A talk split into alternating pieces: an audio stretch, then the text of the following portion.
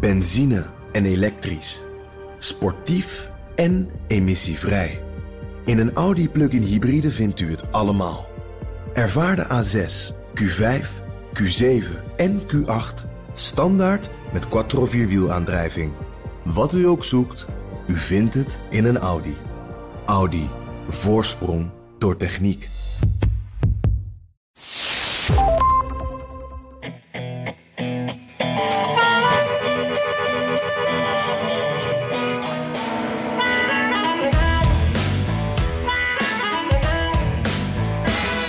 Wel de meest gestelde vraag van onze luisteraars is of het in dat totaal gepolariseerde Amerika ooit nog goed komt. Als deze week als graadmeter telt, is het antwoord nee. Wat een moddergooierij. Het politiek spannendste onderwerp is het onderzoek naar Joe Bidens zoon Hunter. Dat blijkt niet alleen te gaan over zijn dubieuze relatie met Oekraïense bedrijven, maar ook over mijn eet bij de aanvraag van een vergunning voor een vuurwapen.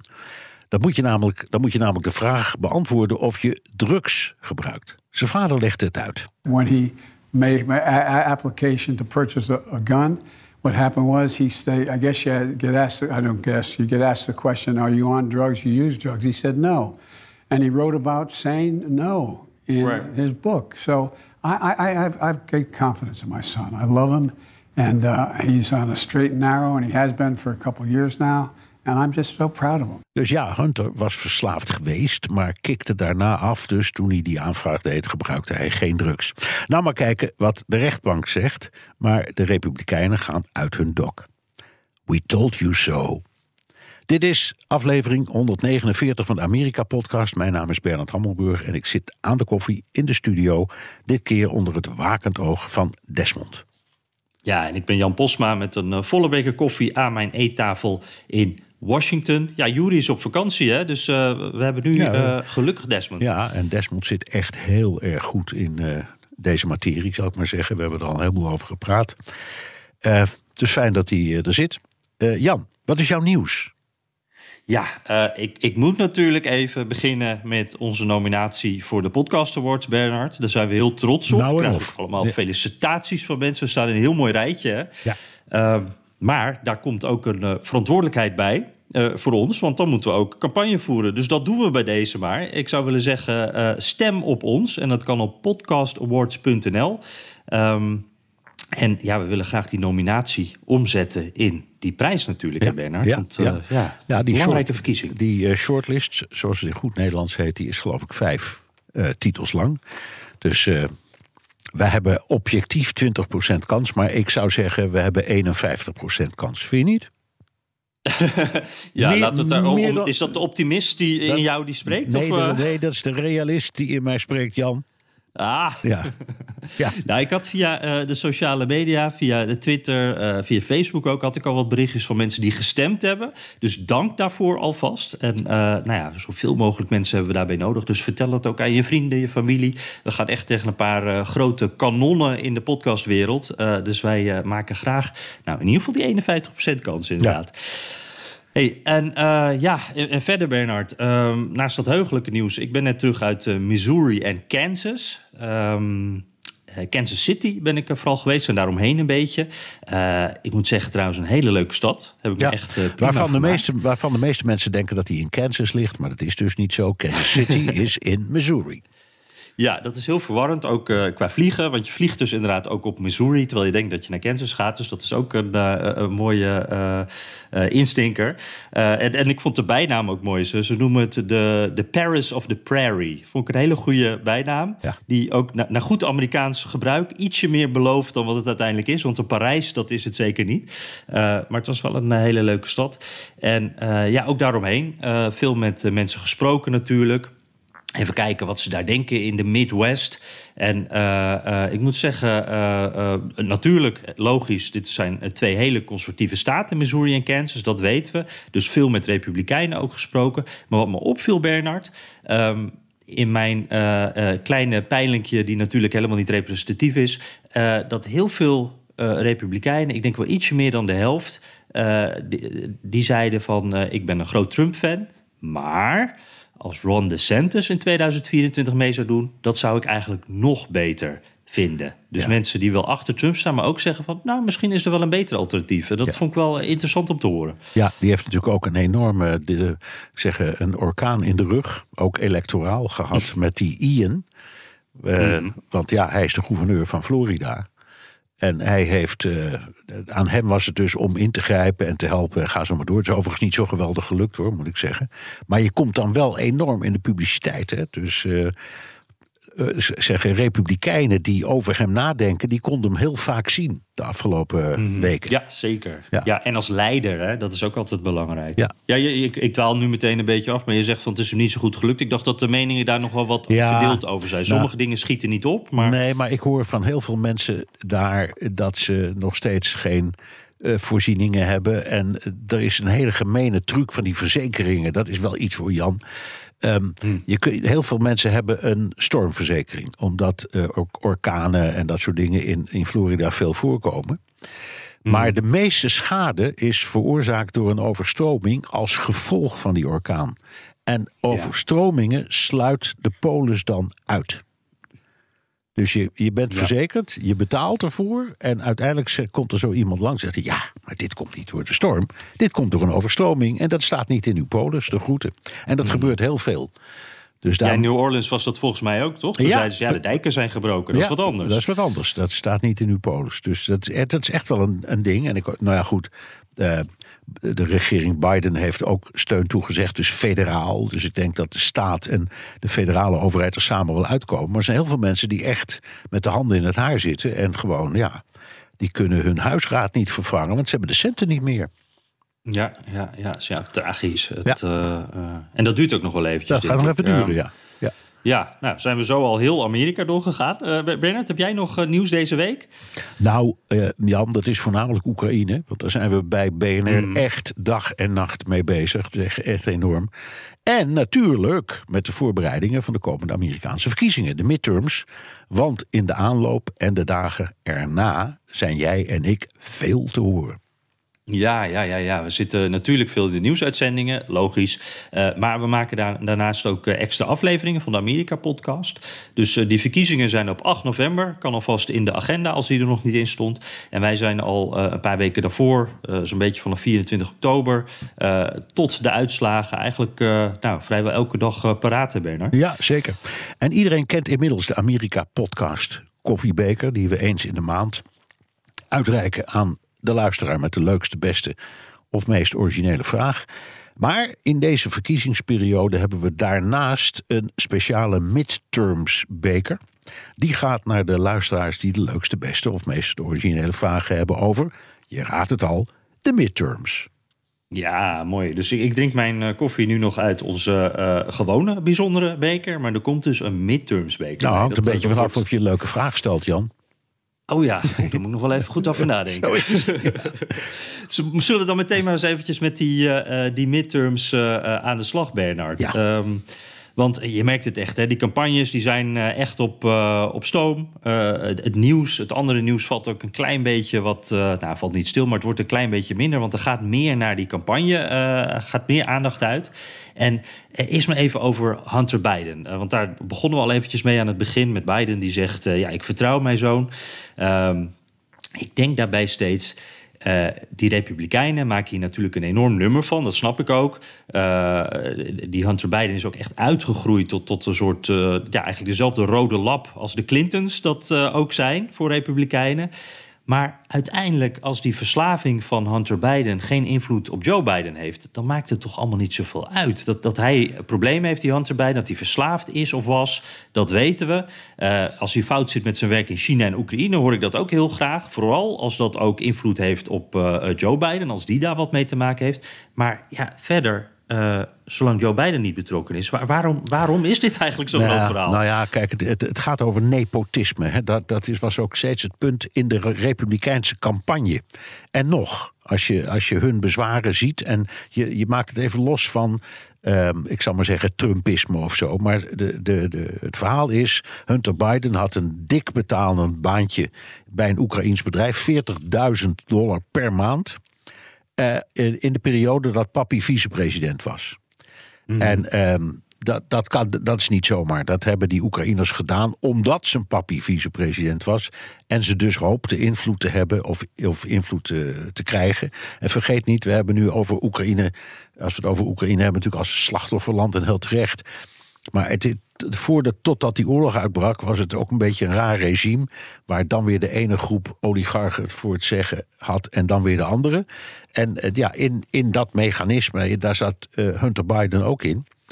En de vraag is dus, ja, heeft, zijn er, nou ja, moet ik zeggen, verbanden aantoonbaar tussen Joe en Hunter in deze kwestie? En daarvan zeggen de Republikeinen eigenlijk nu al een paar jaar ja zeker. En dat gaat allemaal bovenkomen. Nou ja, dat, moeten, we, dat moeten we dan maar zien. Hè? Ja, precies. Want dat, dat is inderdaad, dat is ook waar het interessant wordt. Hij heeft ook nog een investeringsfonds waarin hij uh, groot in zit, uh, of in zat, waar hij veel geld aan heeft verdiend, in ieder geval in China. Uh, maar jij zegt nu nepotisme. ik snap wat je zegt, maar tegelijkertijd denk ik, deze Hunter, die heeft geen overheidsfunctie, die heeft geen functie gehad in de campagne. Het is de zoon van Joe Biden, maar zolang er niks bewezen is, denk ik van, ja, waarom maakt ons hier eigenlijk zo druk om? Ja, nou ja, we maken eh, ons druk om, omdat uh, we worden door weerskanten eigenlijk worden opgehitst om ons er druk over te maken. En uh, ja, wij vissen dit er niet voor niks uit. Je, het is wat je zegt, overal in de media, de Amerikaanse media, wordt er heel veel aandacht aan besteed. En eigenlijk loopt dat al een paar jaar. Dus ik draai het eigenlijk om. Ik hoop maar dat er snel een, een, een behandeling komt door de rechtbank. Want dan, weet, dan zijn we er vanaf. En dan zijn die Bidens er ook vanaf. En dan, wie, wie er gelijk heeft, zien we dan wel. Maar dan ook de Republikeinen, die krijgen dan gelijk of ongelijk, maar dan weten we het tenminste. Ja, ja, ik denk wel dat die Republikeinen gewoon doorgaan, ongeacht wat justitie zegt. Maar dat, is wel een interessant, interessant punt wat je zegt. Want uh, nou, er lekte de laatste tijd wat kleine dingetjes uit. Hè? Dat, dat hij dus inderdaad, uh, nou, dat er echt wel problemen zijn voor, voor Hunter Biden dus. wat denk jij nou? Gaat justitie nog voor de verkiezingen bekendmaken wat er aan de hand is? Of ze gaan vervolgen? Of geldt hier hetzelfde voor als wat ook bij Trump geldt? we doen die beslissing pas na de verkiezingen om die verkiezing niet te beïnvloeden. Ja, nou, er is een, er is een gewoonte, het is geen wet, maar een gewoonte dat uh, de rechterlijke macht geen politiek gevoelige uitspraken doet in een aanloop naar verkiezingen. Ik geloof vier of zes weken voordat ze plaatsvinden. Nou, we zitten al binnen die periode. Dus mhm. ik, ik ben er bijna zeker van dat als ze, een, als ze zouden vonnissen. Of, ah, zover zijn ze helemaal nog niet. Het, het, is nu volgens mij pas in het stadium van een grand jury. Dus nu wordt pas de vraag beantwoord of er wel of niet een zaak is. En, daar, en daarna gaat het ooit misschien naar de rechter, maar dat duurt nog een hele tijd. Na de verkiezingen dus, is het antwoord. Oké, ja. ja. Nou, laten we dan eens even naar die campagne gaan. Uh, we hebben al volop uh, campagnebijeenkomsten. Uh, ik ben er zaterdag in Kansas City ook bij eentje geweest. mensen moeten, ik merk wel, de kiezers moeten daar nog een beetje warm voor worden. Maar er wordt al in het hele land campagne gevoerd. we hebben alle discussies in de media. We hebben natuurlijk debatten. Um, en ik moet er ook meteen even bij zeggen: wij nemen deze podcast op op donderdag, einde van de middag Nederlandse tijd. Dus dat is het, uh, het afknipmoment zeg maar, van uh, de campagne, uh, wat wij kunnen bespreken. maar bijvoorbeeld vrijdag, voor ons nog morgen, is een debat in Georgia voor een senaatzetel. En dat is de democraat Warnock. Uh, en uh, die debatteert met uh, zijn uitdager Herschel Walker, oud voetbalspeler en, en de favoriet van Donald Trump. daar hebben we het ook vorige week even in BNR De Wereld in jouw programma over gehad. En ja, zij zitten echt nek aan nek in de peilingen. Maar toen kwam er ineens dat, dat nieuws over een schandaal. dat die Herschel Walker, die republikein, een toenmalige vriendin voor een abortus had betaald. En dit is dus een hele conservatieve anti-abortuskandidaat. Um, dus ja, de vraag is nu, iedereen kijkt natuurlijk met spanning naar dat debat uit. Ook trouwens omdat die Walker echt door zijn campagne een beetje weg wordt gehouden van media en, en van vragen. Want, het is niet iemand die heel goed lijkt te zijn in het uh, formuleren van uh, beleid of zijn uh, eigen opinies. Dus de vraag is, Bernard, slaagt die Walker erin om zich eruit te praten? In, in dat, debat? ja, ik vraag het me ook af. Uh, omdat precies zoals jij zegt, het, het, het, hij, hij, was heel, hij kon ontzettend hard lopen met een voetbal in zijn hand. maar ik weet niet of hij een, een debater is. Weet je nooit hoor, want uh, uh, dit, dit klinkt dan ook weer als een soort van vooroordeel. Alsof een sporter niet zou kunnen praten. Maar het is niet iemand die daarin getraind is. Dus moet nog zien. Maar ik lees steeds in de media, eh, Jan, dat eh, Georgia zo ongeveer de belangrijkste staat is. Ehm, en dat komt natuurlijk door die fotofinish tijdens eh, de verkiezingen van 2020, toen Trump in die staat verloor van Biden. Eh, weet je nog wel, toen hij eh, opbelde, opbelde naar de Secretary of State van kun je niet ergens 11.000 eh, stemmen voor me bevinden. En, en, de, en, en de staat met de hakken over de sloot twee democratische senatoren koos. Ja, dat was, eh, dat was ook echt bijzonder en eh, ook heel spannend allemaal. Eh, dat was allemaal vlak voor de bestorming van het Capitool toen dit speelde.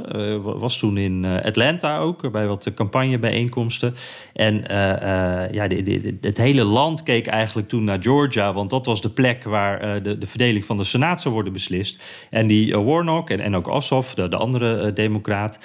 die, die, die zitten er nog maar kort... Ehm, in een toch overwegend republikeinse staat. En, en ja, je kunt zeggen dat Georgia in 2020 dus voor de Senaat de doorslag gaf. Uh, uh, maar er zijn nog wel wat meer voorbeelden. De, dit, uh, dit jaar bijvoorbeeld bij de verkiezingen naast Georgia zijn er nog, is ook bijvoorbeeld Pennsylvania, een van de staten waar het beslist kan worden of die 50 tegen 50 verdeling van de Senaat of die doorbroken kan worden. Ohio, dat is ook eentje die natuurlijk ook een bekende swing state, maar die ook weer voor de Senaat super belangrijk is. Ja, ja nou, uh, ik neem aan dat jij ook naar het debat hebt gekeken tussen de Republikein J.D. Vance. Ik weet niet waarom die alleen maar initialen gebruikt, maar dat doen wel meer Amerikanen. Klinkt lekker interessant. Ja, J.D. Vance en de Democraat Tim Ryan. Um, en uh, dat was echt uh, heel, heel, heel boeiend. Desmond vertelde voor de opname dat hij, hij moest een stukje geluid uh, zoeken. Dat zal ik direct laten horen. Maar hij heeft meteen dat hele debat maar uit zitten kijken. Zo spannend was het. Die Vance, ah, ja. die Vance is een echte Trumpist. En, en, en Ryan is wat wij een, een, een gematigde democraat zouden noemen. Behalve mm-hmm. als je hoort hoe die in het, het debat van leer trok tegen zijn tegenstander. We're getting close to Halloween, and Tim Ryan is put on a costume where he pretends to be a reasonable moderator. I'm for Ohio. I don't kiss anyone's ass like him. Ohio needs an ass kicker, not an ass kisser. Nou, daar zit geen woord Frans bij, hè? Nee. Die is wel mooi, hè? Ja. Die is wel mooi. Ja, dat gaat over Trump, geloof ik, hè? Dat hij uh, alleen maar achter Trump aan zou lopen. We don't need an ass kisser. Ja, ja. ja. Ja, die, die toon, hè, Bernard. Ik, ik, ik bedoel, het is uh, mooi om naar te luisteren. Het is spannend ook. Hè. Je zit op het puntje van je stoel. Uh, wat, uh, nou, wat Desmond dus ook net zag. En, en, meteen het helemaal uit wilde kijken. maar je ziet op allerlei plekken eigenlijk dat, dat de toon behoorlijk hard is. Um, het is vaak ook die, die Trumpistische republikeinen tegenover de anti-Trumpistische democraten. Echt heel erg duidelijk die polarisatie zie je daar ook. Dus geen grijs middengebied. En... Um, dat viel me in Missouri en, en Kansas trouwens ook wel op... dat er uh, heel veel gepraat wordt over die verkiezingsfraude door republikeinen. Dat is echt zo'n onderwerp, daaraan merk je dat dat uh, het Trump-geluid... Uh, dat, dat klinkt daar heel erg in, door. En, en dat is echt wel iets waar mensen heel erg mee bezig zijn aan die republikeinen. Ja, en aan vasthouden. En, en het blijft, het blijft het, een soort van, hoe moet ik het zeggen... Het blijft een soort van, ja, na, bijna een, een nationaal symbool... Je, bent, mm. je, bent, je gelooft of je gelooft niet in de verkiezingsuitslag. Van 2020 ja. notabene. We leven in 2022. Ja, ja klopt. En, en dat gaat ook dus voorlopig niet veranderen. En, en nou ja, je hoort uh, Trump, die is ook op pad natuurlijk. Op het oorlogspad en op campagnepad. En die, uh, die heeft het ook weer daarover. Dus het, het, het, blijft ook terugkomen. En mensen blijven hier heel erg druk mee zijn. En ik moet wel zeggen, wat ik zei eerder... van ik voel wel een klein beetje uh, af en toe ook afstand... die Republikeinen nemen van Trump. Maar tegelijkertijd denk ik daarbij dan ook... ja, stel dat we in 2024 met Trump en een democraat waarschijnlijk Biden dan, uh, zouden zitten.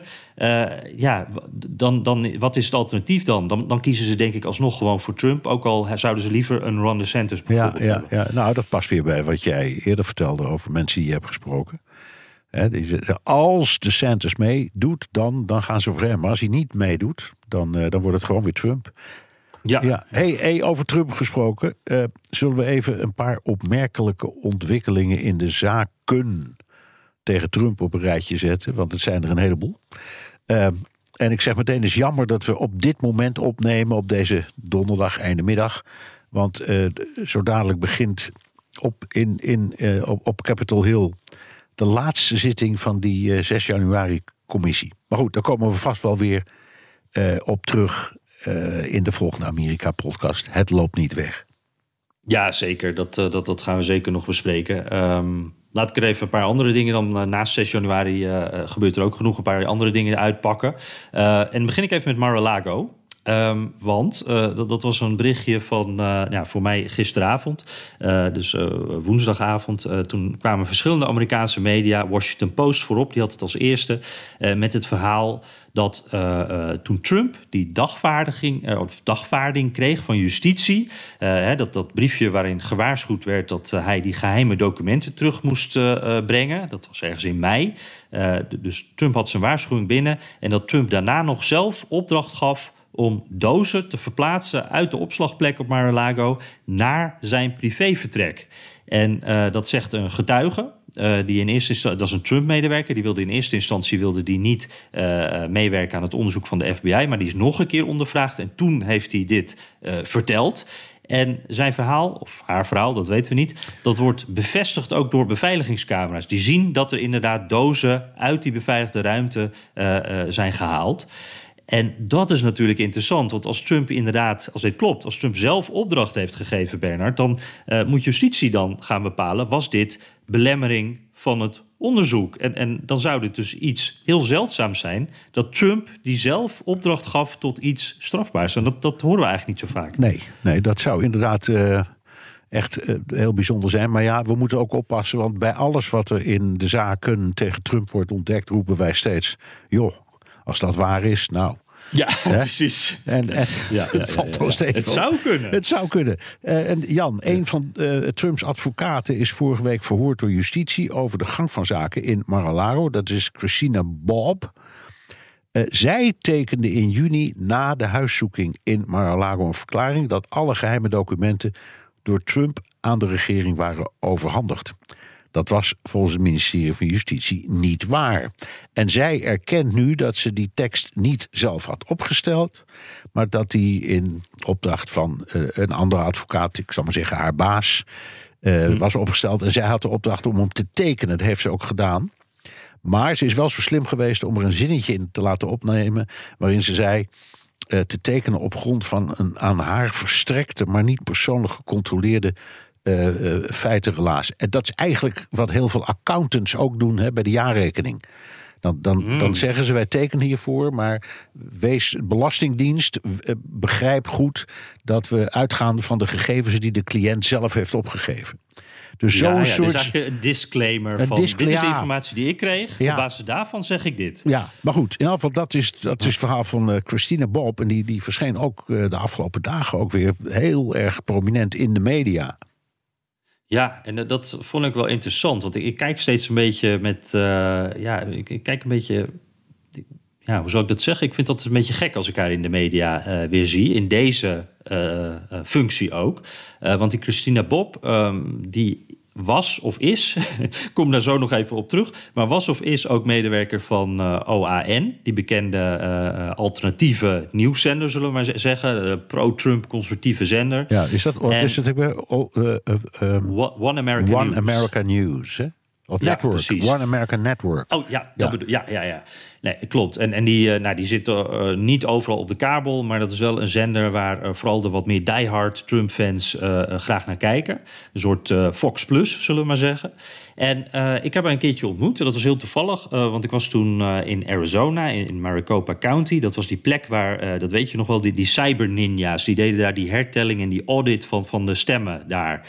Um, dat heeft zeiden, maanden ja, geduurd. Die, die heeft maanden geduurd. Die zeiden er is geknoeid en de stemmachines en we willen het allemaal met de hand terugtellen. En dan willen we ook kijken of er in die stembiljetten niet een bepaalde houtsoort is verwerkt, bamboe of zo. Want als dat zo is, kun je daar weer mee bewijzen dat de verkiezingen zijn vervalst. Afijn, een heel verhaal. En jij bent toen, jij bent gaan kijken, dat weet ik nog precies. Ja, precies. Ja, nee, dat was ook zo'n verhaal inderdaad. Dan, dan zeiden ze van ja, maar als er inderdaad bamboe wordt gevonden, dat, dan zijn het Chinese stembiljetten, dan weten we het zeker. En, en nou ja, er zaten dus daar uh, tientallen mensen aan allerlei speciale tafels in een grote sportzaal. Uh, die waren daar bijna non-stop alle stemmen aan het controleren, aan het bekijken, aan het scannen. Um, nou, en er kwam daar aan, uh, allemaal vaste verslaggevers eigenlijk op dat verhaal. Mensen die daar elke dag zaten, van lokale media en ook landelijke media. Die waren allemaal heel vriendelijk, heel behulpzaam. Heel fijn. En Christina Bob, die was daar toen ook. En die was toen in ieder geval verslaggever van uh, OAN. En die, uh, uh, ja, die, die, die, deed daar echt zo'n beetje live verslag. Dat was ook de enige die daar constant voor de camera stond. En de hele dag door vertelde wat daar gebeurde. ook allemaal interviews hield. En zij, ik stelde me zo voor. En zij was nogal defensief meteen als enige. En zij begon er meteen over van... Ja, ik ben echt onafhankelijk hoor. geloof niet wat ze allemaal zeggen. Ik ben echt onafhankelijk journalist. En ik wist toen niet wie dat was verder. Dus ik dacht oké, dat zal wel. Uh, toen zocht ik er even op. En toen zag ik dat ze ook tijdens die audit van de cyberninja's uh, geld inzamelden voor die cyberninja's. Dus dit is iemand die zegt: Ik ben verslaggever, ik doe verslag, ik ben onafhankelijk. Maar ondertussen uh, zamelt ze geld in voor de organisatie waar ze verslag voor, van doet. Dus dat is wel uh, wow. heel bijzonder. Ja. En nu is ze dan ineens, uh, dat is al een tijdje zo, maar ze werd plotseling ineens de advocaat van Trump, een van de advocaten. Uh, en en ik, ik vond dat zo raar, want dat je die overstap zo makkelijk maakt, uh, dat is best wel, wel gek. En als ik nu naar haar Twitter kijk, haar Twitter-account, daar staat nog steeds presentator bij OAN bij. Uh, dus ik vraag me bij haar echt af. Ik weet dus ook niet of ze nog steeds ook voor dat OAN werkt. Of ze dus een, een dubbele pet op heeft. Uh, maar in ieder geval, ik krijg elke keer een heel raar gevoel als ik haar op televisie zie. Want dan denk ik van, in welke rol ben je nou? Uh, en, en ja, ik, ik wist ook helemaal niet dat ze ook advocaat was. Ben je dan zo'n goede advocaat dat de oud-president je in dienst neemt? ja, ik vond het een heel, heel raar verhaal. Ja, ja. Ja, het is inderdaad, idioot.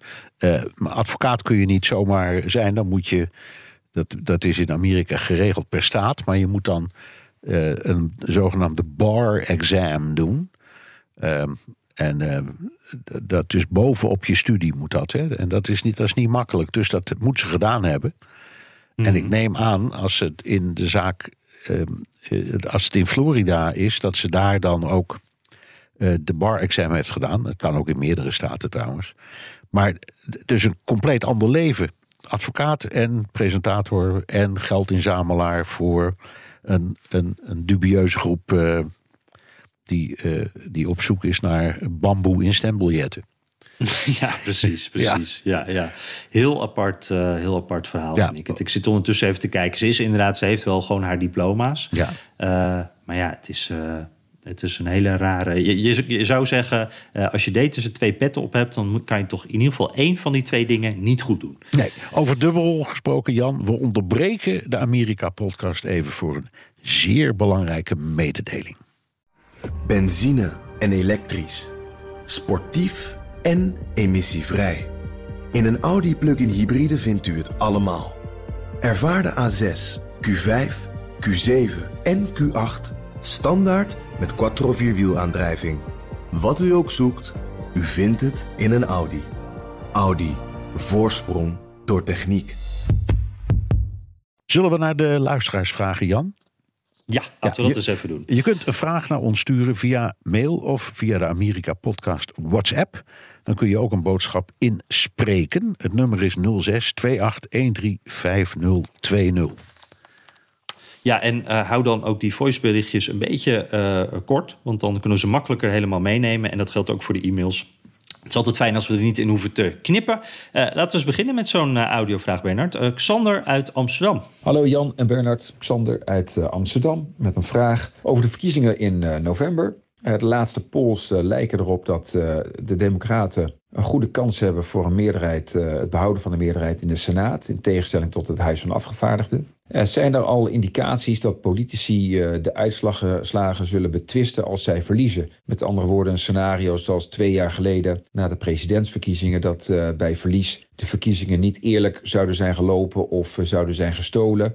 doen zich dat soort scenario's al voor? Zijn er al indicaties dat, dat mensen daarop op zinspelen? En in het verlengde daarvan zijn er bepaalde races uh, op lokaal niveau, ministers van Binnenlandse Zaken van een bepaalde staat, die uiteindelijk heel veel invloed kunnen hebben op, uh, op ja, bij het betwisten van uitslagen van verkiezingen. Dat hebben we twee jaar geleden gezien. Zijn er op lokaal niveau, vooral in swing states, races die we zouden moeten volgen uh, met het oog op de toekomst, op, op dergelijke procedures zoals we die twee jaar geleden hebben gezien, waarbij sommige figuren heel veel invloed kunnen uitoefenen. Nou, ik hoop dat het duidelijk is. Dank alvast en succes met alle uitzendingen. Ja, leuk hè? Ja, goede vraag. Goeie, uitstekende vraag. Nou ja, um, de swing states hebben we het al een beetje over gehad, hè? Die je eigenlijk in de gaten moet houden. Hmm. Um, omdat het daar inderdaad heel spannend is. Hè? Ohio, uh, Pennsylvania, Georgia, zijn er nog meer. Arizona kun je ook uh, meerekenen misschien. Um, dus daar, daar moet je goed op letten. Maar nu even die vraag over: zijn er al uh, tekenen dat, dat, er, dat de uitslag zal worden betwist? Volgens mij is het antwoord ja. Zeker. Want je, ja. ziet, je ziet draaiboeken zo ongeveer verschijnen als je de, als je de media volgt. Hoe je, dat, hoe je dat spel helemaal moet spelen. En, en, en consultants die zich daar helemaal op storten. Mm -hmm. Ja, en je hoort het hier en daar uh, kandidaten ook wel zeggen. Van, uh, uh, het is ook een manier om te, te, te, motiveren. Ik vind het een rare manier. Maar wat ik wel, wel hoor zeggen, en ook weer, dat is ook weer iets wat in Kansas en Missouri dus ook terugkwam. Dat mensen dan zeggen van, ja, we moeten juist gaan stemmen als republikeinen. Want hoe meer wij stemmen, hoe moeilijker het wordt voor die democraten om te gaan vals spelen. En ze gaan zeker vals spelen. Uh, en dat vind ik raar, want ik denk dan als iemand vals speelt, dan zorgt hij toch altijd dat hij ook wint. Ja. Uh, maar zij gaan er dan vanuit dat, dat op het moment dat uh, ik ook een stem voor de Republikeinen uitbreng, dan moeten de Democraten twee valse stemmen inleveren. En, en zo wordt dat steeds meer en dat wordt dus steeds lastiger. Um, maar wat daar natuurlijk ook wel ingebouwd in zit, van als ze dan toch verliezen, die Republikeinen, uh, ja, dan blijft wel dat verhaal van Democraten spelen altijd vals. Uh, en dat hoor ik echt uh, nou ja, op straat dus, maar ook bij kandidaten terugkomen. En dat is echt wel link, hè? Ja. En dat, dat, dat zit ook in het verlengde natuurlijk van 2020. En uh, ik zag laatst, uh, Politico had een heel mooi overzichtje gemaakt. Die zijn even gaan turven. Die zeiden wij komen op 569 kandidaten voor de Republikeinen. Uh, die, die voor allerlei verschillende plekken verkiesbaar zijn. 53% daarvan uh, ontkennen uh, de verkiezingsuitslag van 2020. Zo. Dus zeggen eigenlijk dus vals wow. gespeeld. Nou, wow. Meer dan de helft. Ja. ja. Ja. Dat is een probleem. Ja. En, uh, we, en, en, uh, we rest ja? our case. Ja, ja. precies. En, en dan nog één, want hij zegt dan ook wel, welke uh, lokale verkiezingen kunnen, zijn belangrijk voor het navolgen van die regels. Daar zijn ook op heel veel plekken dat dit soort kandidaten, ontkenners, voor belangrijke functies gaan. Um, Bijvoorbeeld die, die Secretary of State functie, waar Sander het ook over had. En uh, nou ja, er zijn heel veel voorbeelden van. Maar Arizona is daar bijvoorbeeld ook een voorbeeld van. Daar staat echt een ontkenner, uh, staat op de lijst voor de Republikeinen. Als die het wint, ja, dan heeft dat echt grote invloed op hoe toekomstige uitslagen uh, ja. verwerkt zullen worden. Ja. Dus echt eng. Goeie vraag. Dankjewel, Xander. Ja, zeker. van Michael dan, een bekende van de show. Um, hij zegt, uh, uh, ik heb een vraag over het rechtssysteem. Uh, Biden wil nu gratie verlenen aan duizenden mensen... die op federaal niveau zijn veroordeeld voor het gebruik van marihuana. Hij roept staten op om hetzelfde te doen. Maar wanneer word je nou op statelijk niveau voor zoiets bericht... en wanneer op federaal niveau? En hoe zit dat bij andere zaken? Ja, dat is een hele goede vraag. Um, ja, ook, ook best. Ik moet zeggen, ik, uh, dit is niet iets wat ik meteen weet. Nou, uh, ik bedoel, er zijn een paar dingen waarvan ik denk, oh ja, daardoor wordt het federaal. Maar het is niet meteen nee, dat ik denk, nou, in, deze in, stelregel is. In, de makkelijkste stelregel is dat alle misdaden in principe staatszaken zijn. Bijna alles.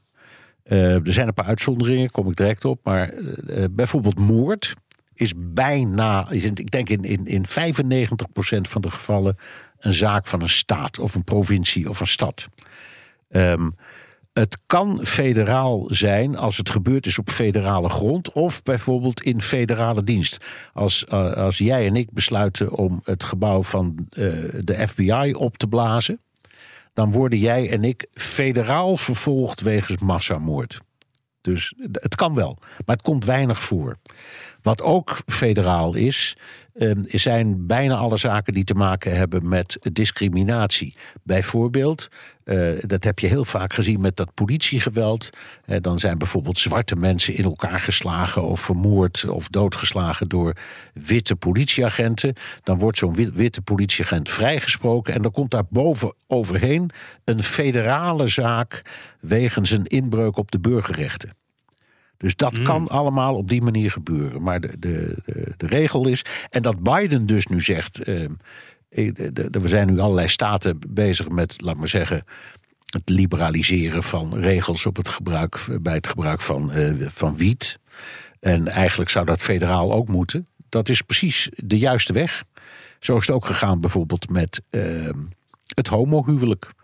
Dat is staat voor staat voor staat voor staat. De ene staat naar de andere die stemde in zijn eigen wetten dat toe. En toen is Obama destijds, die geen voorstander was van het homohuwelijk, die heeft gezegd: Nou, dan, dan zou het federaal ook maar moeten, als het zo ligt. Uh, en nog één dingetje, uh, dan, die vraag hoor je ook heel vaak. Um, als, de, als de federale regering iets zegt over, laten we zeggen, Trump die zei: uh, Ik gooi de mijnen weer open.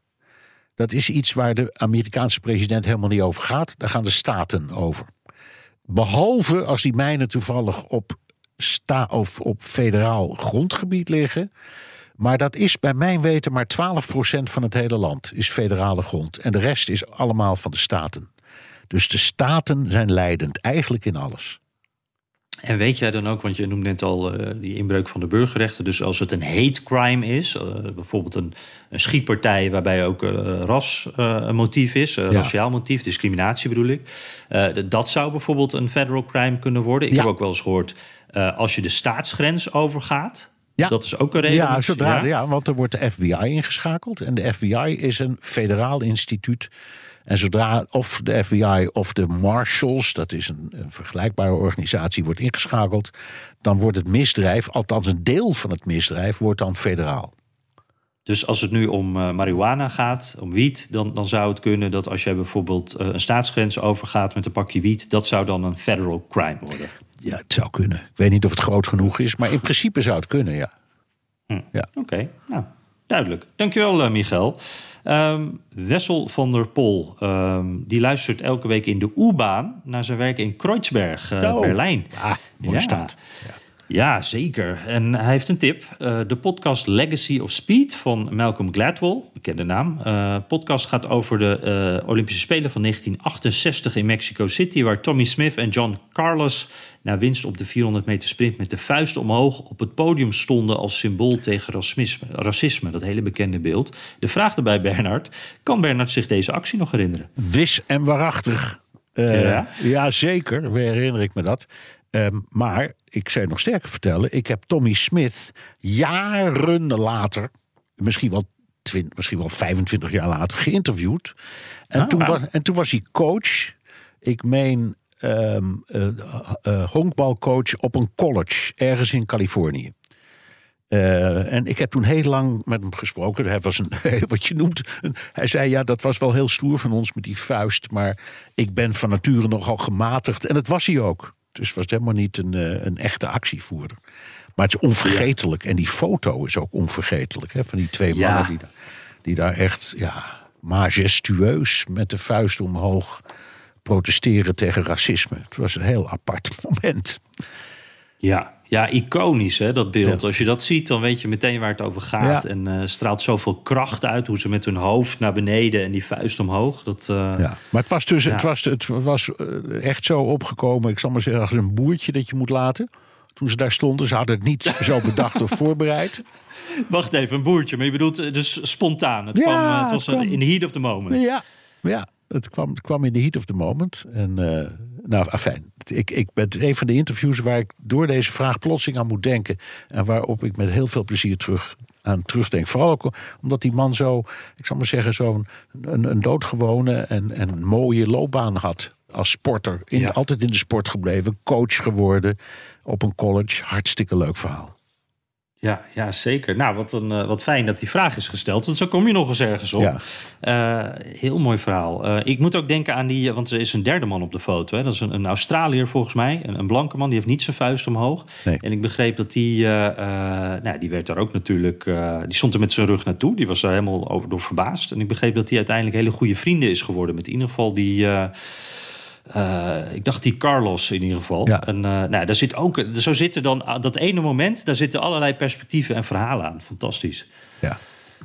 Ja, um, dus ja, hij kan het zich herinneren, uh, Wessel. Zeker. En ja. groetjes daar in Berlijn. Ruud Kiewit. Begin deze zomer, ja, ik dacht al bekende naam. Begin deze zomer heb ik jullie gevraagd uh, naar Nederlandse en Amerikaanse gebruiken, omdat ik mijn Amerikaanse schoonvader voor het eerst ging ontmoeten. Uh, dankzij jullie tips is dat helemaal goed gegaan. Ik mag blijven. ja. nou, gelukkig. Uh, ik heb me even kunnen onderdompelen in het echte Amerikaanse leven, inclusief uiteraard een echte Amerikaanse family barbecue. Samen met mijn vriendin hebben we nog door het prachtige New England rondgereisd en we eindigden onze trip in het altijd mooie New York City. Daar hebben we Ellis Island bezocht, de plek waar waar ook de opa van mijn vriendin als kleine jongen aan land is gekomen. Ik vroeg me eigenlijk af of er aan de westkust ook een soortgelijke grote grenspost is geweest. Nou, um, volgens mij niet. Nou, volgens mij wel. Oh, is het zo? Vertel. Ja, ja ik, ik, weet dit ook uh, compleet toevallig hoor. Maar ja. um, die is, uh, ik dacht in de buurt van San Francisco. Uh, daar is ook een eiland, uh, een soort Ellis-eiland, maar wel um, nou, niet kleiner in omvang, maar kleiner in hoeveel mensen er doorheen zijn gekomen. Volgens mij daar maar iets van een half miljoen of zo. Terwijl, nou, Ellis Island, dat weet jij vast, meer dan, is dat 12 miljoen of zo? Oh ja, daar zijn immigranten. Ja, ja, enorm. Dat is echt enorm veel mensen doorheen.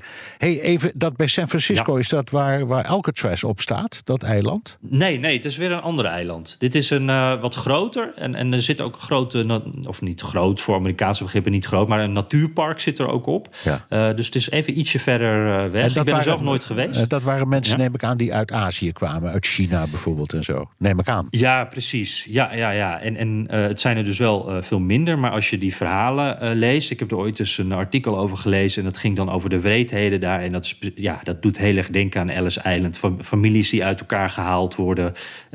mensen die ziek worden. uiteindelijk dat eiland niet af mogen. Die daar sterven. Het is echt mensen die daar maanden vastzitten. Terwijl blanke mensen die daar binnenkwamen, die konden vaak heel snel door. Maar als je uh, Chinees was of, of welke andere Aziatische nationaliteit dan ook, dan ging het een stuk moeilijker. Ja. Um, dus, en het heette Angel Island. Wat wel een hele mooie naam is, maar ook tegelijkertijd, als je hier aan denkt, dus een beetje, nou, bijna een beetje luguber. Ja, ja, ja, ja. Ja, ik, ik ken ja. wel heel veel verhalen na, dat heb je ook waarschijnlijk gedaan, van mensen die via Ellis Island zijn gekomen. De, zo, hè, opa's en oma's of nog ouders. Ja. En die hadden dan allemaal hele ingewikkelde Duitse of, of Russische namen. Of, de, die konden ze dan niet uitspreken. Dus dan, dan zei zo'n ambtenaar, hoe heet u? En dan riepen ze Slabukowski. En zei hij, wat? Slabukowski. En dan zei hij, nee hoor, je heet Baker. Dus het is echt massaal gebeurd. En die familie ja. die is verder door het leven gegaan als de familie Baker. Ja. Dus heel veel mensen die daar ook hun naam hebben gekregen. Ja, en dat ja. is eigenlijk, ik bedoel, het, het, het klinkt, uh, ik, ik, moet er een beetje om, om lachen, maar het is, is natuurlijk vreselijk. Je komt met een identiteit, kom je dat land binnen en dat wordt je even afgenomen. Ja, dat, dat is waar, uh, maar die mensen waren zo blij dat ze er waren. Dat in het altijd ging wel goed hoor. Je hebt, ik, ja, je, ja. je hebt een prachtig. De minste ik, zorg. Ja, er is een prachtig museum in, uh, in de Lower East Side van Manhattan. En dat heet het Tenement Museum. En een tenement, dat is wat wij een etagewoning noemen. Hè? En dat, dat, dat zijn de, de grote blokken waarin al die immigranten terecht zijn gekomen. Door de, door de decennia heen. Dus je ziet daar enorme hoeveelheid. Uh, je ziet daar de, allemaal, het zijn allemaal prachtige herinneringen. Dus één deel is ingericht helemaal in de Italiaanse stijl, want er kwamen heel veel Italianen. En één is helemaal ingericht in uh, de klassieke Joodse sfeer, want er kwamen heel veel Joden uit Rusland en Polen. En eentje in de Ierse sfeer. En het zijn allemaal originele gebruiksvoorwerpen die daarin staan. Dus je, je loopt gewoon in feite een, een, een ouderwets flatgebouw uh, door. Prachtig museum, kan ik iedereen van harte aanbevelen. Ja, dit staat al een hele tijd op mijn lijstje. Ik ben er nog steeds niet geweest. Maar uh, ja, dat, uh, hier moet ik ook heen. Ja. Me, ik hoor ook hele positieve verhalen erover. Ja, nou misschien uh, als we elkaar deze dagen zien voor de midterms... gaan we even een uurtje, even uurtje spijbelen. Ja, precies. Kunnen we ja. daar even heen. Ja. En, ja. Um, en Ellis Island natuurlijk ook een fantastische plek om heen te gaan. Zeker. Dat, Hans van Wakeren, die zegt... Uh, jullie hadden het uh, even kort in de laatste episode van uh, de podcast... dat is inmiddels al een paar terug, denk ik, over Mount Rushmore. dat is die berg waar vier pre presidenten zijn uitgehouden. Dat bracht mij op het idee dat een karakter als Donald Trump... de ultieme persoonlijkheid heeft om zichzelf daarnaast als nummer vijf te laten vereeuwigen. Stel dat Trump terugkeert als president... kan hij de regels dan zo organiseren dat hij er inderdaad weer bij wordt gebeeld houdt? Dat zou hij wel willen, ja. Dat zou hij wel willen. Nou, ik, ik, ik betwijfel het, maar niks verbaast me meer, zal ik maar zeggen. Op nee. dat gebied. Nee, maar dat monument, daar gaan ze niet aan klooien. Toch? Nee, ik heb ook wel eens, uh, ik heb wel eens gelezen dat daar geen ruimte meer is. Want Nee, dat je, denkt dan er is wel ruimte, maar er is een van die rotspartijen die is te instabiel. Daar kan je niet nog een hoofd uithouden, want dan eh, komt de hele boel naar beneden. Dus volgens mij kan het gewoon niet. Ja. Dus eh, het blijft bij photoshoppen, wat ook veelvuldig gebeurt. Ja, ik heb hem vaak als, eh, Als, hoofd in... eh, als vijfde gezien. ja. Ja. Ja, ja, leuke vraag. Eh, Erik Vollebrecht, ehm, die, is, eh, die zegt... ik ben voor het eerst sinds het begin van eh, corona... Weer, weer eens in de VS geweest, een paar weken geleden... voor mijn werk in Phoenix. Boven de 100 graden Fahrenheit meegemaakt daar. Ja, het is daar altijd warm. Ja. Hij zegt, Homeland Security was sneller dan ooit... Dus dat is goed nieuws. Maar de vraag met de orkaan in Florida en allerlei recente natuurrampen in de VS... vraagt me af waarom Amerikanen zo slecht zijn in publieke infrastructuur... eh, om die te beschermen tegen dit soort ellende. Dus bijvoorbeeld elektriciteitsmasten die boven de grond gaan... de telecom aan, aan houten palen allemaal, slechte waterwering... Eh, het lijkt alsof ze steeds liever heel veel mensen evacueren... en met z'n allen in het donker zitten zonder internet... dan dit soort dingen in de basis goed te regelen. Hoe, zie, hoe zien jullie dat en waar komt dat eigenlijk vandaan? Een hele moeilijke. Eh, het makkelijkste Ja. antwoord is dat Amerikanen als regel hebben: if it, if it ain't broke, don't fix it. Dus je gaat pas ergens aan werken als het misgaat. En een prachtig voorbeeld is wat er in New Orleans is gebeurd met Katrina. Iedereen riep altijd. Ja, jongens, daar kun je wachten. Er komt ooit een overstroming of, of een wervelstorm of zo. En dan is heel New Orleans weg. Eh, en niemand deed dat tot Katrina kwam. En daarna zijn ze als een gekke dijken gaan bouwen. Overigens voor een groot deel eh, met hulp van Nederlandse expertise. Ehm, en ik, ik weet nog dat ik eh, iemand eh, sprak van eh, Rijkswaterstaat die daar ging adviseren. En toen zei ik, ja, wij kunnen natuurlijk ook wel heel goed laten zien hoe goed wij dat kunnen. Waarop die man zei, oh ja? En wat dacht je van 1953, de grote watersnoodramp? Er waren al misschien wel twee eeuwen lang deskundigen die hadden gewaarschuwd dat dat ooit zou gebeuren. En we zijn pas aan de slag gegaan met de deltawerken na die ramp. Dus we moeten niet zo'n grote mond hebben. Heb ik nooit vergeten, dit verhaal. Ja, ja, Ja, er en staat dat- het meteen paraat.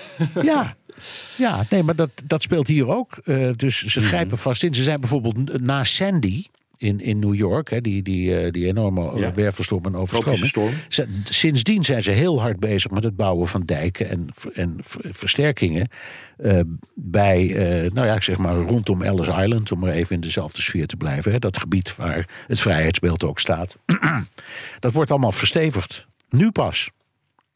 Ja. Ja. Heeft het ook misschien eh, ermee te maken, die Amerikanen die zeggen altijd... eh, de overheid moet een beetje klein houden, we willen weinig belasting betalen... en dit soort miljardenprojecten, dan, eh, dan denken ze van... nou ja, Ja. we wachten het eerst wel even af tot het nodig Tot is. het, nou, if it ain't broke, don't fix it. Het is echt de regel. Ja. En ook, waar, ook dit is weer bijna allemaal een kwestie van de staat. Hè? Dus het moet ook nog uit de staatskas komen of uit de stadskas. Ja. Geldt ook enorm. Ja, en dan heeft zo'n stad als New Orleans, eh, en dat zie je sowieso wel vaak, dat arme gebieden, die hebben er helemaal geen geld voor. Dus daar is de infrastructuur, dijken, maar ook de wegen en, en dat soort dingen nog slechter. Dus dat, eh, ja, Ja, dat nou goed, maar dat in New Orleans was krankzinnig, want er is één weg.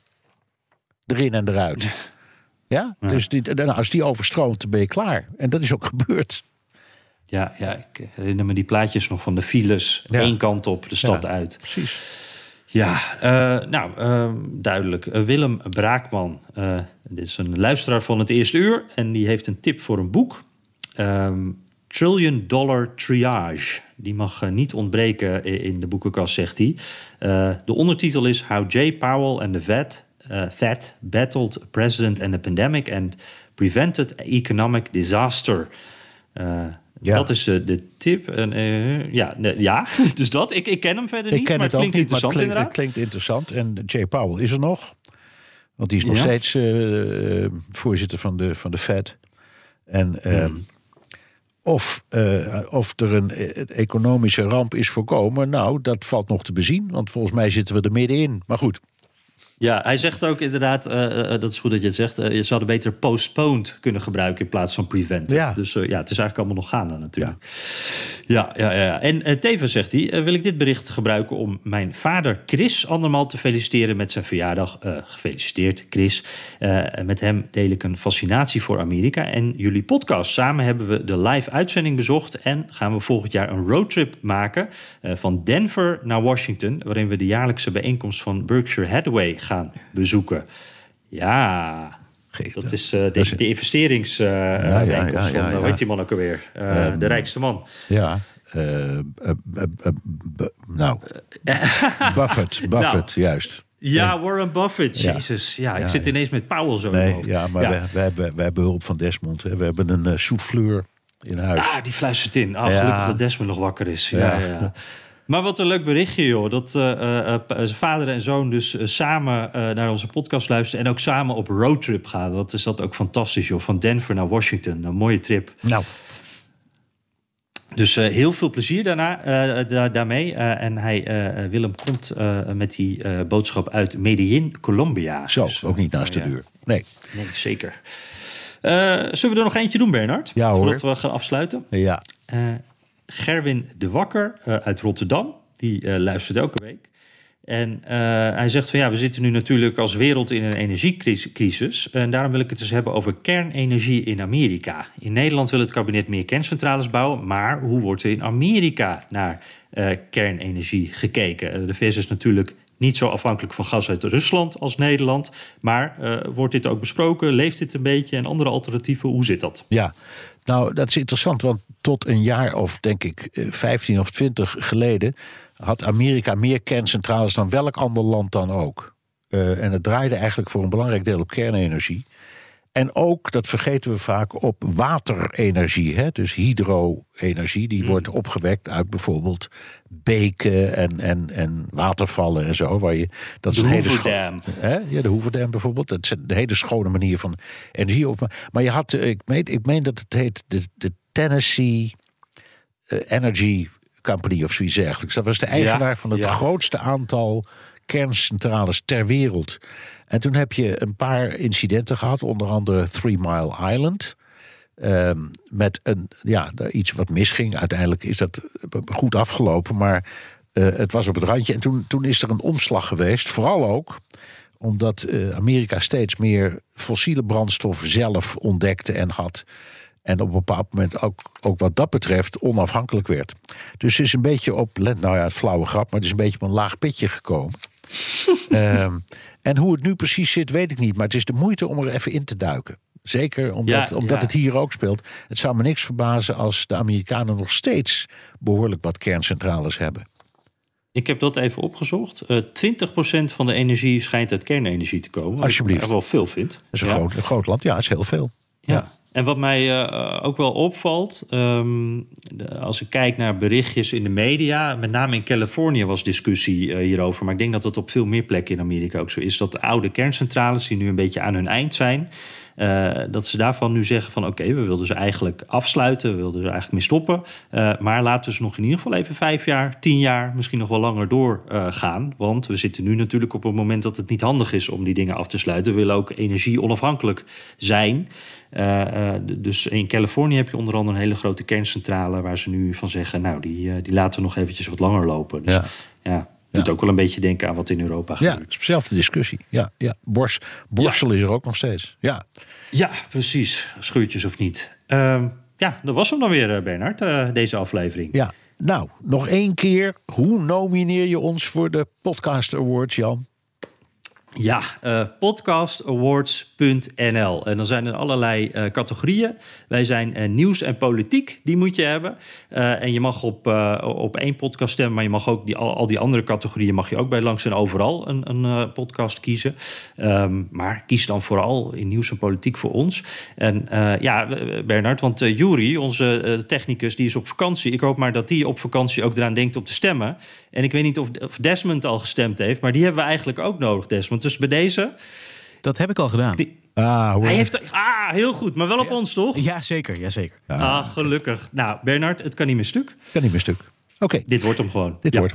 Terugluisteren kan via de BNR-site, Apple Podcast of Spotify. Heb je vragen, opmerkingen, kritiek of complimenten... dan kan dat ook met een tweet naar Jan Posma USA of BNR De Wereld... of heel ouderwets met een mailtje naar dewereld.bnr.nl. En je kunt ook je vraag inspreken of intikken op de Amerika-podcast WhatsApp 06 28 13 50 20. En welk platform je ook kiest, zet behalve je naam ook je adres in de tekst. Ja, want dan maak je natuurlijk zoals altijd kans op die inmiddels beroemde Amerika-podcast Koffiebeker. En de komende periode dus ook eh, de speciale Midterms Amerika-podcast eh, Koffiebeker. Dat is een eh, hele mond vol. Het is een hele mooie, dus zet dat adres erbij. En ja, Bernard, nou, we hebben onze technici in ieder geval hebben we, aan onze kant staan. Daar ben ik heel blij We mee. hebben, we, hebben, we, hebben, we hebben hopelijk al twee stemmen binnen. Ja, precies. Ja. Dus de- we zijn van de hatelijke nul af. En eh, eh, aan iedereen, aan al onze luisteraars, alsjeblieft, ga ook stemmen. En dan eh, zijn we er in ieder geval volgende week weer. Tot volgende week. Doei!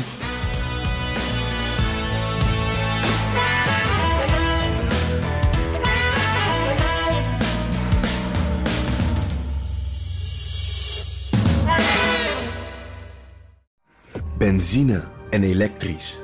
Sportief en emissievrij. In een Audi plug-in hybride vindt u het allemaal. Ervaar de A6, Q5, Q7 en Q8 standaard met quattro vierwielaandrijving. Wat u ook zoekt, u vindt het in een Audi. Audi. Voorsprong door techniek.